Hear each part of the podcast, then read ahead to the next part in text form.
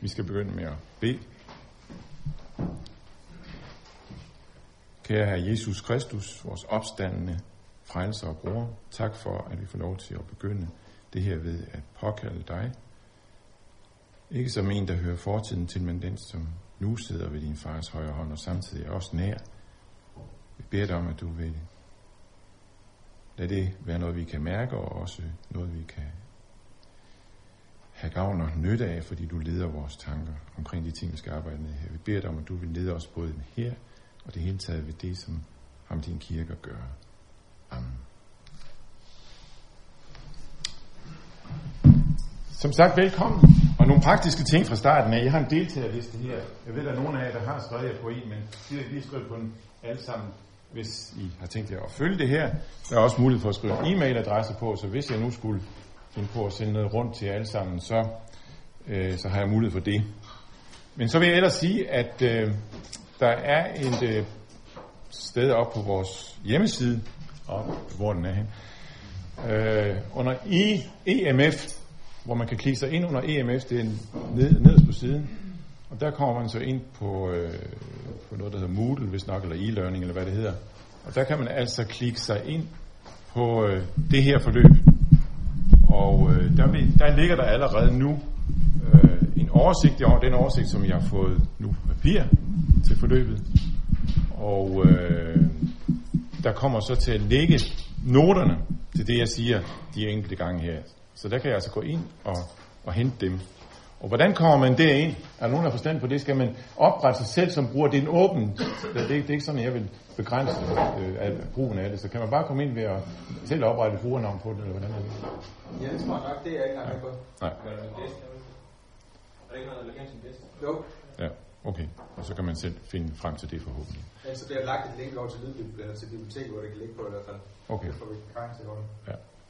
Så der kan I finde det ene. Øhm, jeg har som sagt delt et, en oversigt over forløbet rundt. Der kan I se, at det handler om fem gange. Jeg har planlagt det efter. Jeg skal prøve at holde mig til de øh, overskrifter, der er lavet her. Øh, basis for det, hovedbasis for det, er den bog her. Jeg kommer kort til at præsentere den om lidt. Gibbs and Bulger, som det normalt kaldes, lige kort form. Og, øh, og jeg gør det sådan, at jeg henviser til nogle kapitler her fra bogen til hver gang. Jeg forudsætter ikke, at folk har læst den. Øh, men øh, jeg, jeg tror, de vil få stor glæde og gavn af at have læst det. Så jeg kommer ikke til at gen, men jeg kommer ikke til at gennemgå det. Det er ikke sådan, at I får det, det der står her i bogen, bare ved at komme hertil. Det gør jeg altså ikke. Det har jeg ingen mulighed for. Det er så store afsnit, vi kommer til at gennemgå, så det, det må jeg selv arbejde med. Men jeg kommer til at tage nogle hovedting frem i det, trække nogle hundpunkter frem i det, og så forholde mig til det. Øh, og så får jeg meget mere kød på ved selv at læse det, som, som Søren Isak sagde, at det får man altså virkelig kød og blod på ved at læse den her bog. Så det er bestemt at anbefale. Uh, lidt om tidspunktet. Der har været lidt snak om her i huset, om vi skulle flytte det fra klokken kvart over, altså fra det her 7 til 9, til klokken 6, nej, 4 til 6, 4 til 6 om mandagen. Øh, det er jeg lidt lurevogn med, i og med, at der er nogen, der kommer udefra, og det er annonceret, altså sådan noget. Så jeg har i hvert fald sat på, at vi her den første gang skulle have det her om aftenen. Og så vil jeg høre, ja, nu kan I jo altså åbenbart komme her mandag aften, så det er måske jer, der er de rigtige at spørge det. Men øh, jeg vil godt lige tage en runde på, er der nogen, der rigtig gerne vil, at vi flyttede til mandag 6? Ja, jeg så ved jeg ikke rigtigt, om jeg tør sige det, fordi næste mandag kan jeg ikke fra 4 til 6. Der bliver det først fra 7 til 9. Skal vi ikke bare sige, at vi holder det 7 til 9? Er det ok? Er der nogen, der er rigtig ked af det? Nej, så gider vi ikke lave en lang sag på det. Nej. Det siger vi. Det skulle jeg tænke noget mere over. Øhm, og så er der et spørgsmålstegn ved en af datoerne, det er nemlig efterårsferien. Jeg har været lidt i tvivl om, om vi kommer til at holde nogen efterårsferie. Det gør vi altså. Så det vil sige, den, den 15. tror jeg, det er sat til, bliver der ikke noget her. Men til gengæld må vi så tage en gang i november en gang. Øh, om det så bliver den første gang øh, i, i november, det vil sige omkring den 5. tror jeg nok, det er 4. eller 5. november, er jeg lidt i tvivl om, fordi jeg har noget andet, jeg skal have forberedt til om onsdag, som er lidt stort. Så måske bliver det først den næstfølgende mandag. Men det kan vi lige snakke om langs vejen, ikke også? Sådan nogenlunde bliver det altså. Men næste gang samles vi, og så igen efter efterårsferien samles vi. Det var nogle få indledende ting til det her. Øhm, så vil jeg gå i gang med det, som jeg vil sige i dag, som øh, jeg har noget powerpoint til, som jeg hedder.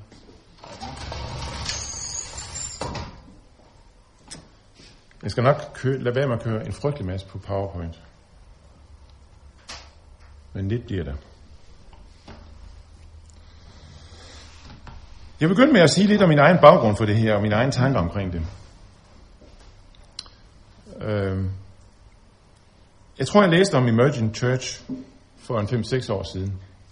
Det var i det her amerikanske tidsskrift, eller blad, eller hvad man skal kalde det, magasin, der hedder Christianity Today, som står op på biblioteket.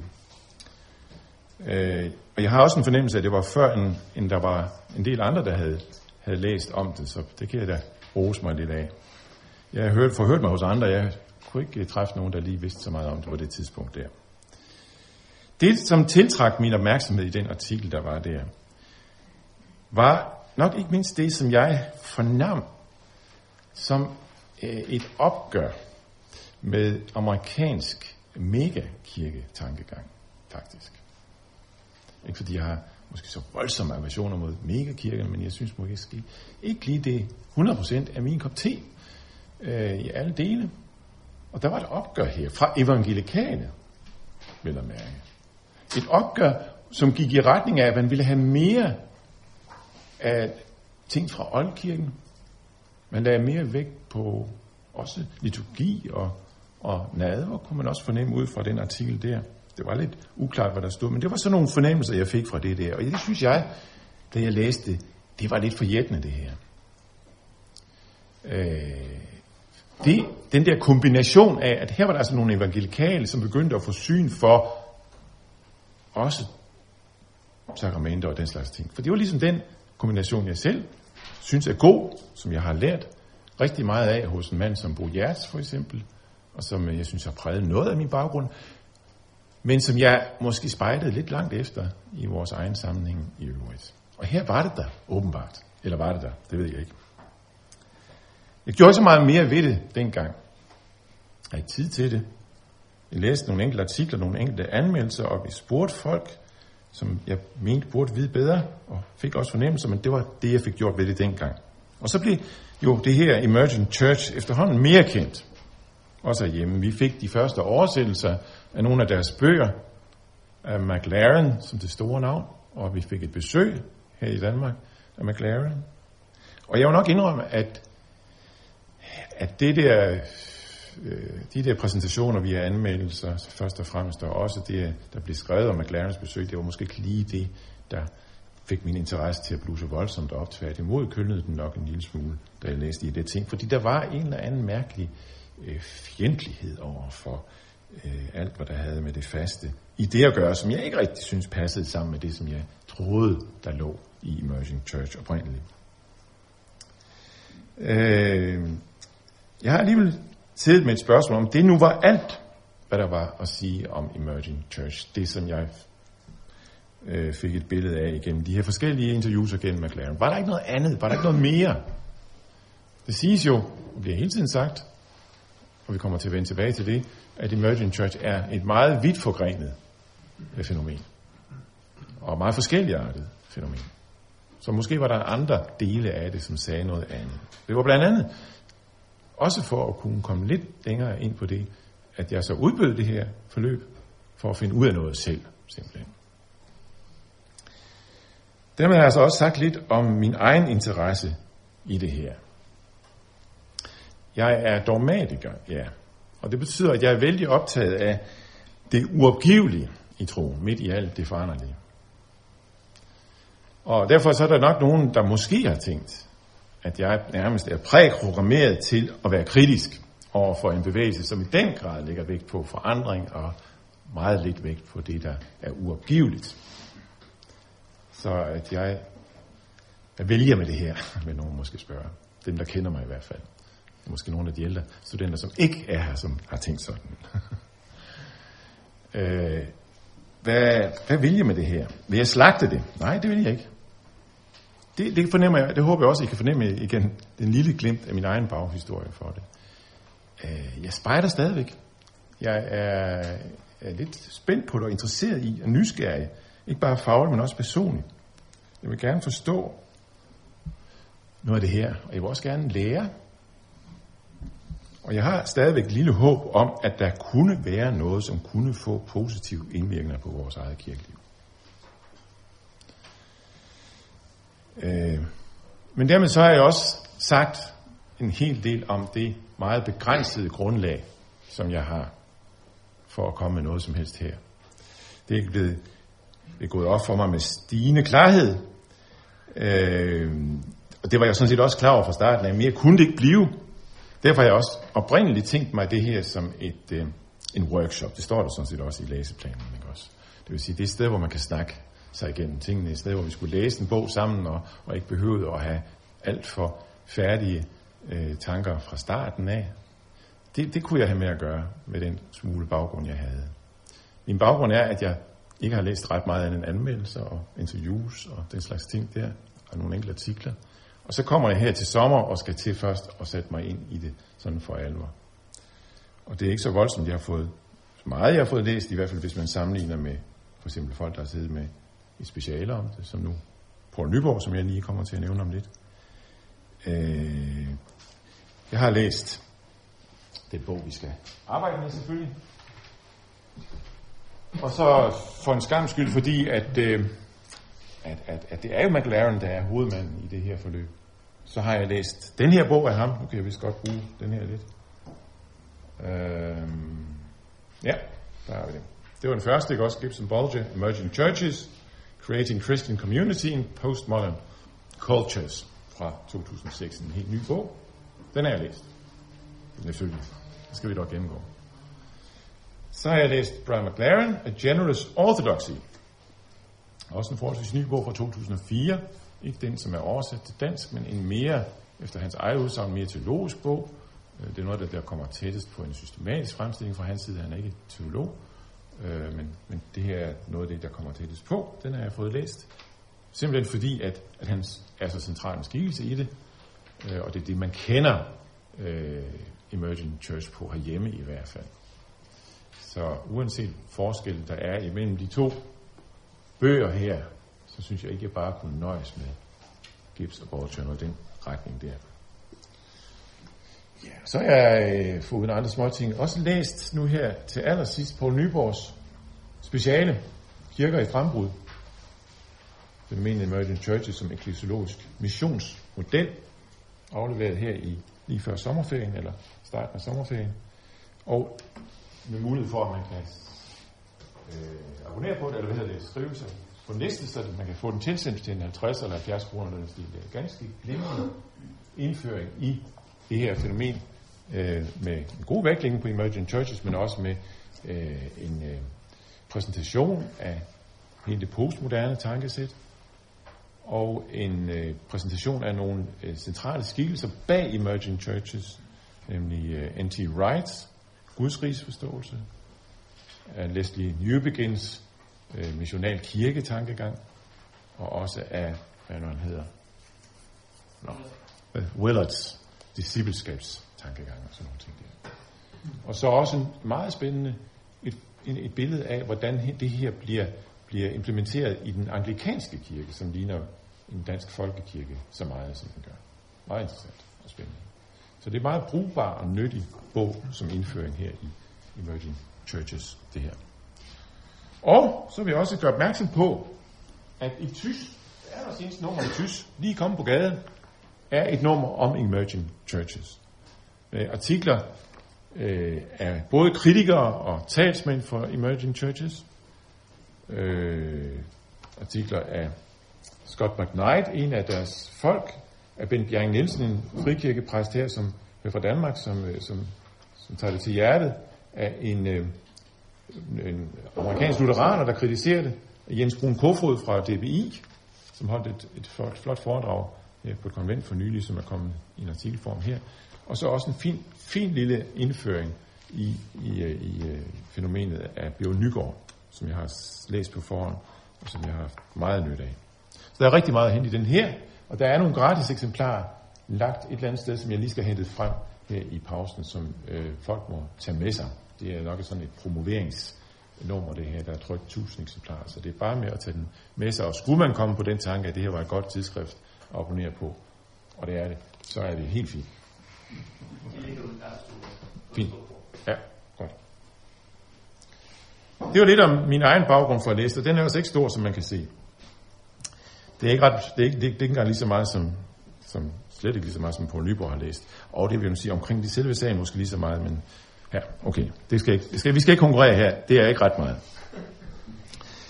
Men skal jeg alligevel forsvare mig, og det forhævende, vi er i gang med, så vil jeg sige, at det her altså ikke er første gang, jeg beskæftiger mig med postmoderne teologi, og hele det postmoderne spørgsmål. Jeg har skrevet noget om det i, øh, i min kristologi, og øh, jeg havde et forløb her for et par år siden, eller halvandet år siden, om et andet fænomen her inden for den her bevægelse, der hedder Radical Orthodoxy, som på mange måder ligger ikke så frygtelig langt fra det, vi møder her i Emerging Churches. Det, det siger de selv i Radical Orthodoxy. Øh, og, og, og der er noget om det, synes jeg. Så har jeg læst meget af N.T. Wright, som de støtter sig rigtig meget til, så vi kommer til næste gang i forbindelse med min kristologiarbejde og hans gudsrigsforståelse. Så der følte jeg mig rigtig meget på hjemmebane. Og så vil jeg endelig sige til sidst, og, og i hele den her lange række af undskyldninger eller forklaringer, at sådan er det at være systematiker. Man bliver nødt til at forholde sig til ting, som man ikke nødvendigvis er ekspert i. Det kan jeg bryste mig af. Vi er glade amatører på en række områder. Sådan bliver vi nødt til at være. Timerne i dag, lidt om dem. Det vil sådan efter oversigtsfremstillingen her, som jeg stod her, hvad den handler om det her. Indledende præsentation og drøftelse af fænomenet American Churches. I den forbindelse skal vi se på nogle af de mest omtalte ved American Churches, nemlig deres forhold til postmoderniteten og dens, altså postmodernitetens reaktion mod absolutter og deres, nu er vi tilbage til American Churches, forhold til kirkens tro, Bibelen osv. Og så måske meget kort, sådan indirekte noget om Gibbs, forhold mellem Gibbs og Borgers bog. Det skal vi prøve, om vi kan nå i dag. Det er meget, det kan jeg godt sige. Så det. Jeg satser på, at vi øh, øh, giver plads til lidt snak, efter at vi kører en time ad gangen, eller noget, altså tre kvarter ad gangen, med lidt plads til snak i enden af første time, så går vi på igen, og så bliver der plads til snak i enden af sidste time. Der bliver ikke måske helt så meget plads til snak i det her, den her omgang, som er en af tingene fra, når det nu skulle være et, et, en, en, et hvad hedder det, en, øhm, en workshop. Øh, men jeg skal prøve på, om jeg kan begrænse mig lidt mere til næste gang, så der bliver lidt mere plads til det næste gang. Lad os begynde med betegnelsen Emerging Churches, for nu at begynde helt forfra. Det er ikke nogen vældig entydig betegnelse. Jeg har slået op i en internetordbog og kom frem til følgende forklaringer på ordet emerge. Kom frem. Så der er nogle gode eksempler, så jeg kan se. Vise sig, dukke op, komme til syne, bryde frem, og så der opstå, fremstå, også som en mulighed. Der er pladser heroppe, Astrid, så træd bare nærmere. Øh, det er den her betydningsnuance, som, øh, som der ligger i emerging. Og det, det betyder, at jeg øh, måtte revidere min måde at omtale emerging churches på. Jeg plejer nemlig ofte at kalde det for emergent churches. Har I hørt det? Ja. Øh, og det kan man stadigvæk se nogle steder. Jeg tror egentlig nok, det er lidt forkert. Emergent, det betyder meget vigtigt påtrængende. Men det, der ligger i betegnelsen her, det er det, der træder frem. Det, der er på vej. Det er den betydningsnuance, først og fremmest, det handler om her. Så emerging churches, ikke emergent churches. Hvad mener man med det? Hvad tænker man på, når man siger, at noget træder frem, eller at kirken træder frem? For det er jo det, man har i tankerne her. Det er kirken, der træder frem. Er den der ikke allerede, kirken? Den er der. Den har været der i 2000 år. Hvordan kan man sige, at den træder frem lige nu? Navnet signalerer det der ord emerging. Det signalerer helt klart noget, der at, at kirken, altså åbenbart, der er noget galt. Der er noget, der er, er, er skjult, og, og derfor er der anledning til at snakke om, at, at nu må den træde frem, i, i hvert fald i ny skikkelse. Og det man tænker på i den her sammenhæng, det er, at hele den kultur, som vi har haft, og på mange måder er en del af, og som vores kirke er en del af, den kultur, der har været i vores øh, del af verden, fra 1700-tallet, måske før, eller også før, og så op til det her århundrede. Den kultur er simpelthen ved at, at, at, at, at droppe drossel ned og, og, og falde sammen, stiven til, forsvinde, ligge i ruiner. Den er ved at dø. Og af ruinerne af den her kultur og den kirke, som hører så nøje sammen med den kultur, der træder der noget nyt frem. En ny kirke, en ny måde at være kirke på frem. Øh, der er en meget stærk signal om, at, at, at, at der er må sådan en dødsproces til, for at kirken kan blive det, som den skal være. Noget må submerge for at kunne emerge. Noget må gå, gå til, øh, submerge, altså dykke ned, så man drukner for at kunne emerge.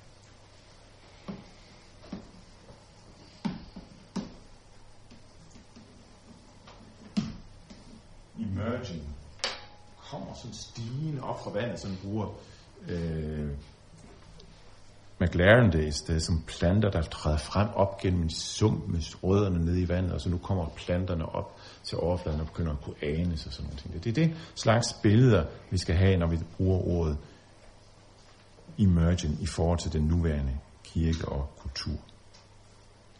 Vi står i et overgangs, i, i, et epokeskifte nu. Fra det moderne til det postmoderne. Et fuldstændig radikalt tankesæt skift, som påvirker os på alle ledere, som også påvirker kirken, og som betyder alt det her. Noget må dø, og noget andet kommer til syne. Mange gange så ser man henvisninger til andre, sådan nogle epokeskift, der har været i kirkens historie epokeskiftet fra oldkirken til middelalderen, som vi måske ikke er så vældig fortrolige med, men så fra middelalderen til reformationen, det er vi lidt mere fortrolige med. Et enormt skift i tankesæt, som betød, at kirken antog andre former, blev helt anderledes. Man gør meget ud af, hvor meget der skete af forandring her. Det kan man så i høj grad diskutere, om det er holdbart, rent historisk, at tale om sådan en forandring, men ikke det i virkeligheden er en moderne historie, at snakke om sådan om kirken.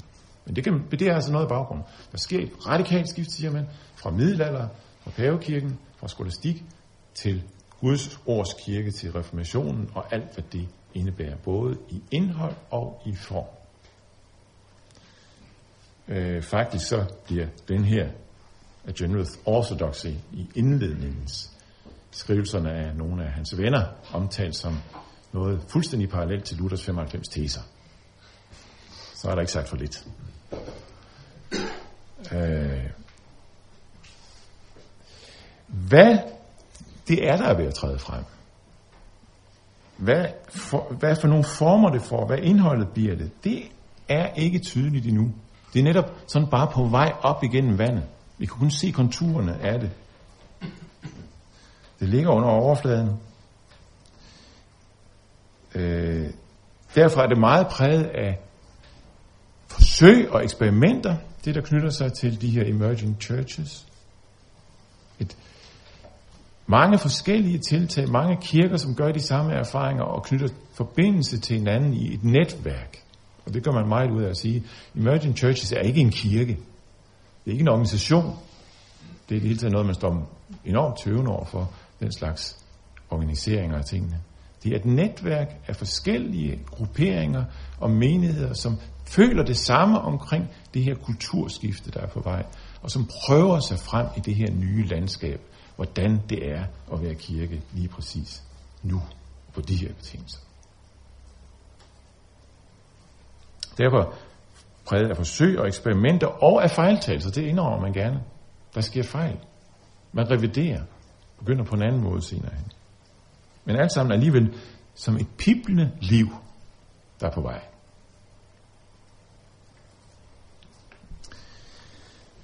Fra den her korte bestemmelse af, hvad der ligger emerging og emerging churches, og lidt af baggrund for, at man bruger præcis det ord, så skal vi se lidt, en lille smule på den historiske baggrund. Hvornår begynder det? Hvordan begynder det? Sådan historisk set. De umiddelbare historiske rødder, dem kan man læse rigtig meget om her i Emerging Churches af Gibson Bolger. Jeg tror, jeg kan få Gibson Bolger, hvis jeg skal sige det. Det er lidt svært samtidig. Øh, det kan man læse rigtig meget om, hele den her historiske baggrund og, de her ting i, i indledningskapitlerne her. Det begynder, som vidt jeg har i hvert fald kunnet hurtigt skimme mig igennem og læse det her, med forsøg, gudstjenesteforsøg og måder at være kirkeforsøg i 80'erne. Miljøet, som det går frem i, er tydeligvis øh, det evangelikale miljø i USA og i England, og måske også andre steder men det er først og fremmest her. Den her bog ved noget om og refererer fra, og måske også nok først og fremmest her, at det for alvor tager fart. I USA og England evangelikale miljøer, i også karismatisk præget miljøer, altså vækkelseskirkerne i USA, kan man sige. Folk, der er optaget af at være kirke på nutidens præmisser. Det er sådan nogle sammenhænge, det vokser frem præget af mission, præget af ønsket om at vinde nye. Den ene retning og metode afløser hinanden derop gennem 80'erne og 90'erne. Ofte er det med udgangspunkt i, i nogle rigtig store menigheder, mega kirker i USA. Vi har øh, Rick Warren og hans Purpose Driven Church. Øh, spørger mig ikke lige præcis, hvor det er. Jeg tror, det er over i Kalifornien et sted. Som man skrev meget om, og, øh, og folk tog øh, hen og, og besøgte. Blandt andet tror jeg, Anders Mikkel ned fra Valgmenigheden var der over en tur. Øh, der er hele begrebet Seeker Service, som vi forbinder med Willow Creek, som også er sådan et eksempel på folk, der, der er på søgning efter en måde at, at, at, at lave kirke på, der når langt ud, når nye. Og hele Vineyard-bevægelsen er også en del af det her med John Wimber som, som hovedmanden. Ikke også? Af det miljø, hvor folk kommer fra og begynder at tænke de her baner, som, som kendetegner American Church. Og så peger man på Gen X-kirkerne, som vi vist ikke lige, eller Gen X må det vel hedde, for det er Generation, Generation X, der er tale om her. Kirkerne, som vi ikke kender så meget til her øh, i, i vores del af verden, men som er en type kirker, som opstod på baggrund af, at man bliver opmærksom på, at ungdomsgenerationen, Gen X, fra dem, der var født i 60'erne, tror jeg det var, øh, havde et helt anderledes tænkesæt, end de folk, der ellers befolkede øh, de evangelikale kirker. Fuldstændig anderledes spørger mig lige præcis, hvordan Øh, de var præget. Men man var meget optaget af, at de her tænker så meget anderledes. Vi bliver nødt til at lave kirken fuldstændig anderledes for gudstjeneste. Fuldstændig anderledes lige præcis for dem. Øh, men gør altså det som i bedste amerikanske stil, at man bevidst studerer det segment, man henvender sig til, og så skruer kirken sammen efter dem. I første omgang er det her kun ungdomskirker. Ofte er det i tilknytning til en af megakirkerne, som en ungdomsgudstjeneste i relation til dem, og styret meget af dem. Med det klare tanke, at når de så har løbet hornen af sig i den her Gen X-kirke, så kan det komme i en rigtig kirke bagefter. Når det her bliver en forløber for Emerging Church, så kan det meget vel have at gøre med, at det her mere, eller, mere end ellers sættes fokus på kulturen hos dem, man henvender sig, henvender sig til. Øh, altså man virkelig undersøger kultur. Man ikke bare bliver ved med at forkynde Kristus så godt og nærværende som muligt, men også virkelig undersøger den kultur, man skal forholde sig til. Og at man gør det i en meget klar bevidsthed om, at den er så meget anderledes end vores egen. Den er bevidsthed om, at de, de tænker helt anderledes end os, begynder for alvor at komme netop i forbindelse med den slags gudstjenester. Øh, det er netop noget af det, som kendetegner Emerging Church en meget stærk bevidsthed om en kultur, der er anderledes end den, der hidtil har været. I løbet af 90'erne er der så nogen, der bliver mere og mere klar over, at det her ikke bare er et ungdomsfænomen, som man så kan håbe på fører til, at de kommer over i voksenafdelingen bagefter. De bliver klar over, at det her er noget mere. Det er et grundlæggende kulturskifte. Den her Gen X er ikke bare noget, der har med ungdom at gøre, det har noget med en kulturskifte at gøre.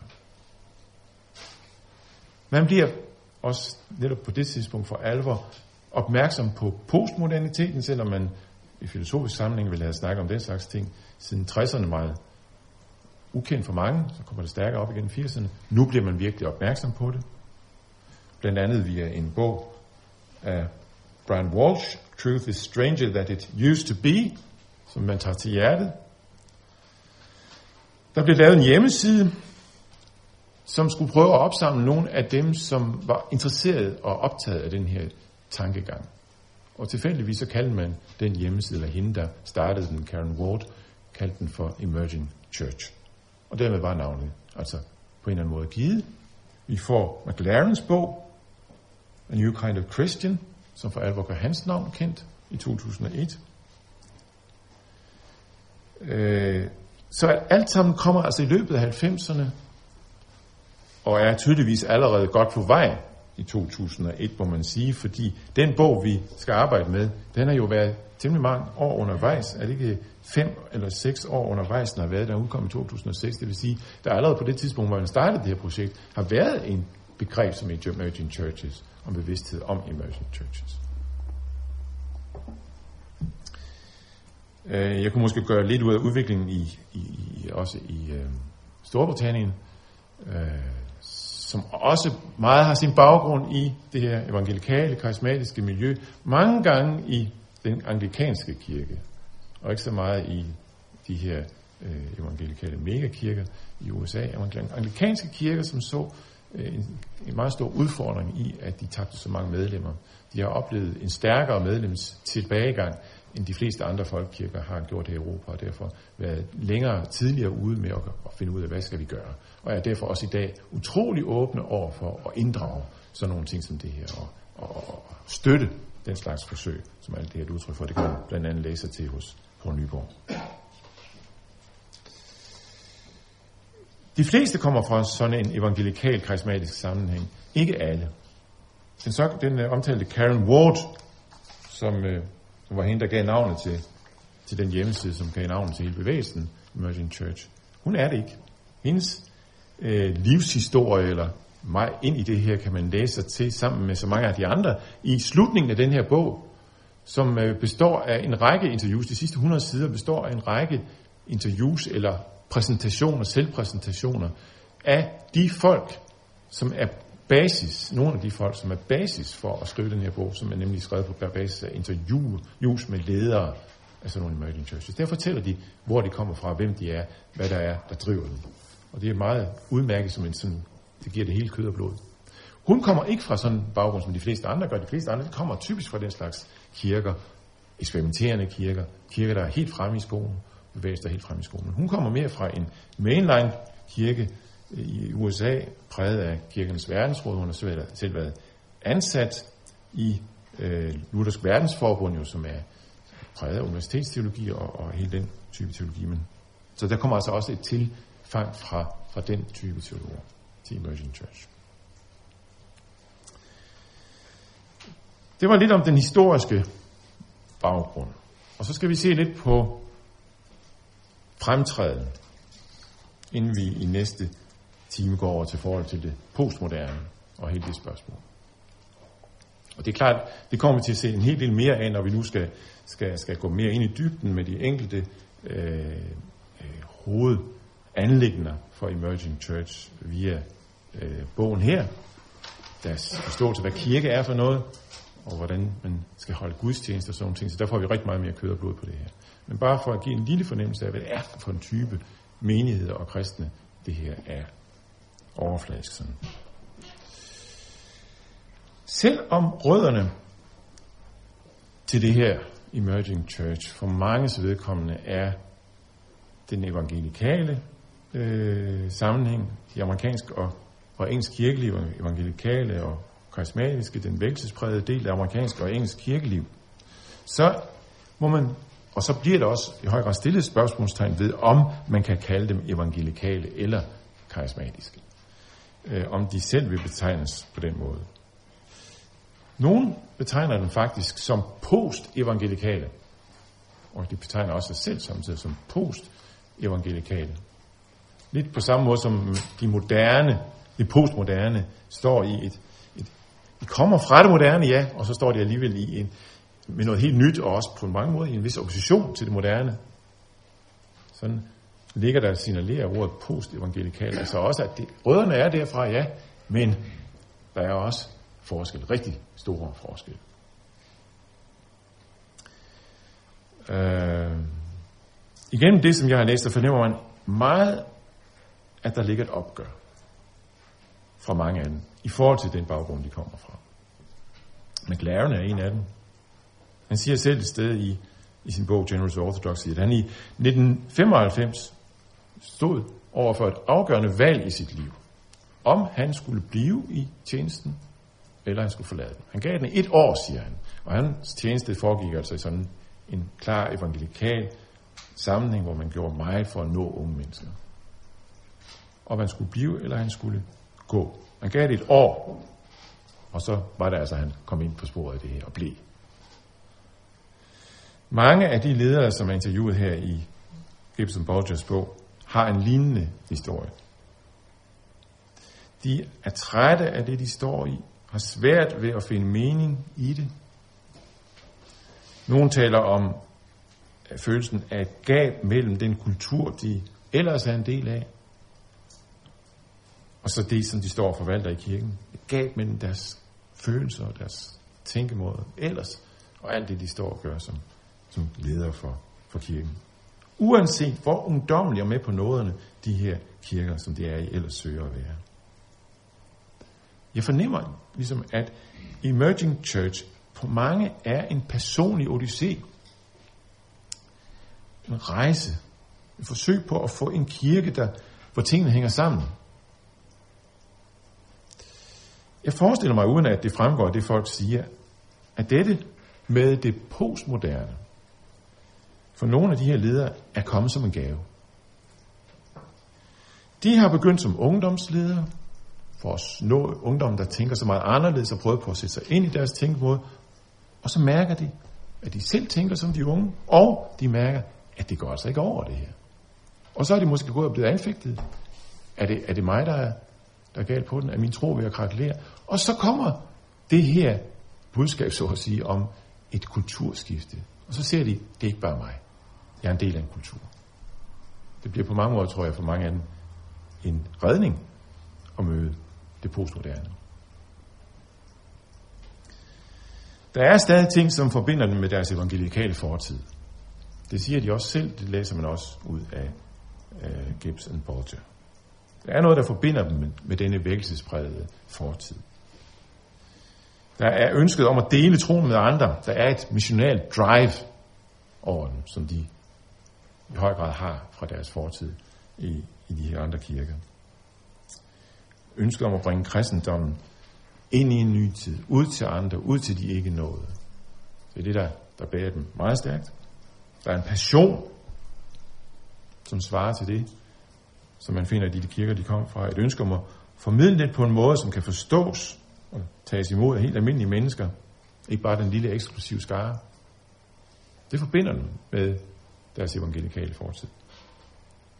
En anden ting, som forbinder dem, øh, det er Jesu centrale rolle. Jesus spiller en helt, helt central rolle i vækkelsestraditionen, helt klart. Og det gør den også for Emerging Church. Godt nok en lidt anderledes Jesus, og det kommer vi tilbage til. Men i høj grad Jesus. Meget Jesus. Det er meget Jesus-centreret. Helt vildt meget Jesus-centreret. Når det gælder Bibelen, så tror jeg også, man må sige, at den spiller en vigtig rolle. Selvom der også der sker visse forrykninger, vi kommer tilbage til det til sidst i næste time. Så tror jeg også, at markeringen af frihed i forhold til traditionen og i forhold til ydre former, det, det, det, som vi måske synes, det er enormt så radikalt, de er i deres opgør med alt, hvad der har været, jamen det har de jo også fra deres amerikanske evangelikale sammenhæng, måske ikke noget den engelske evangelikale sammenhæng, den amerikanske evangelikale sammenhæng, gør jo meget ud af, at vi er fuldstændig fri for alt, hvad der hedder traditioner. vi skal nå de ikke nået, så må det koste, hvad det vil med hensyn til former og den slags ting. Vi indretter os fuldstændig efter dem. Også det har de på mange måder som arv fra deres fortid. Men der er altså også forskel. Rigtig store forskel, vil jeg også sige. Det går på ting, som, som virkelig har noget med hjertet i deres fortid at gøre, de evangelikale kirker og den evangelikale tradition at gøre. Man omtaler den som den amerikanske revivalism, den amerikanske vækkelsestradition. Den gør man meget op med. Øh, og hvad tænker man på her? Jo, man tænker på betoningen af den enkeltes personlige omvendelse og evige frelse.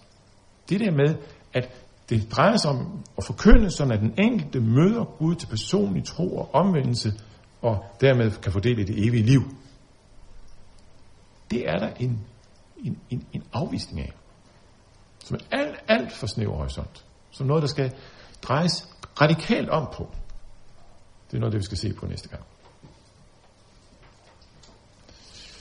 Det er ikke først og fremmest evigheden, vi laver kirke for, og skal nå mennesker for. Sådan siges det. Men vi er væk fra en kristendom, som kun handler om den enkelte og, den hin, og det hinsidige. Temaet synd og noget nedtones rigtig meget. På samme måde betoningen af skældet mellem et indenfor og et udenfor. Kristendommen handler ikke først og fremmest om, hvad der skal ske med dig, når du dør. Det handler om at finde Gud i dette liv og finde dig selv, ind, finde dig selv i hans rige. Tag del i det rige, han er i gang med at udvirke her på jorden. Det er det, det handler om. I dette liv. Det drejer sig om en kristendom, som omfatter dette liv og hele livet. Det gør man utrolig meget ud at sige. Og som derfor har et andet forhold til kultur og alt det, som gælder i dette ganske almindelige daglige liv, end man traditionelt ser i evangelikale sammenhænge, sådan som billedet i hvert fald er fra de her bøger. Hvor man altså ofte har stået lidt på sidelinjen i en mistænksomhed over for det, og måske så lidt forsøgsvis har, har gået lidt ind i det, prøvet lidt med lidt rock, men så bliver det lidt blød rock, ikke også? Øh, der er vist et bestemt koncept inden for Vineyard. Det, må, det skal være rock, men det skal være blød rock, ikke også? Man skal, man skal vise, at vi, vi er også en del af tiden, men ikke for meget. Øh, det, øh, det står man helt af overfor. Det er kulturen sådan, som den er, som vi skal tage til os og være en del af. Hvis man i sit daglige liv har en musikkultur og en underholdningsforståelse, som, som har det godt med diskoteker og med teknomusik og, og alt den slags ting der, disc jockeys, som man åbenbart har rigtig meget i England. 60-80% af folk mellem 18 og 35 år er medlemmer af en, en diskoteksklub i de engelske storbyer, står der. Det er altså virkelig en del af menneskers virkelighed derovre. Hvis det er det, man har som sit kulturelle, sin kulturelle identitet, så skal man ikke bare stå på sidelinjen forsigtigt over for dem, men så skal man på en eller anden måde knytte ens tro til det, og det til ens tro. Og for eksempel sørge for, at ens samlinger får karakter af det, som man oplever i en sådan klub, med diskjockeyen som en rigtig vigtig skikkelse. Diskjockeyen, ham der sammensætter, sampler musikken og lydene og lysene ved sådan en sammenhæng, for at give et rigtig stærk fornemmelse af, Øh, eller give en, en oplevelse, stærk oplevelse. Det skal kirken overtage i sin gudstjeneste for. Hos nogen. Hos nogen. Ikke hos alle. Men i de sammenhænge, hvor man prøver at få være kirke for sådan nogen. Og hvor det er sådan nogen, der har det på den måde, der vil være kirke. Øh, på den måde bliver man en del af kulturen. Også på andre måder skal man være en del af det, der optager mennesker. Hvis det, der optager mennesker i storbyerne, og, så lad det være sagt i en parentes, Emerging Church er tydeligvis et storbyfænomen, øh, øh, sådan som det bliver præsenteret her. Hvis det, der optager byerne i, øh, og mennesker i storbyer, er det belastede liv, man har med dårligt miljø, med kriminalitet og med alt muligt andet. Så skal man blive til en del af det, være til hjælp i det, være inkluderende i forhold til det, og satse på at være præcis der, og ikke bare være kirke for de velbærende. Man går op med en kristendom, øh, hvor det hele drejer sig om søndagens gudstjeneste, eller møder, hvad det er for noget, samling. Det er det daglige liv, det handler om. Man taler enormt neddæmpet og, og skal vi sige, øh, taler meget om, gudstjenesten slet ikke må være centrum. Den her ugentlige, åndelige påfyldning, det er en forkvakling af, hvad det vil sige at være kirke. Kirke er i det daglige liv, og samlingen skal ikke først og fremmest være sådan et boost i forhold til det daglige. Heller ikke med åndelige sange, som ligesom skal, hvor man møder Gud i det transcendente. Det er slet ikke den slags oplevelse, man skal have.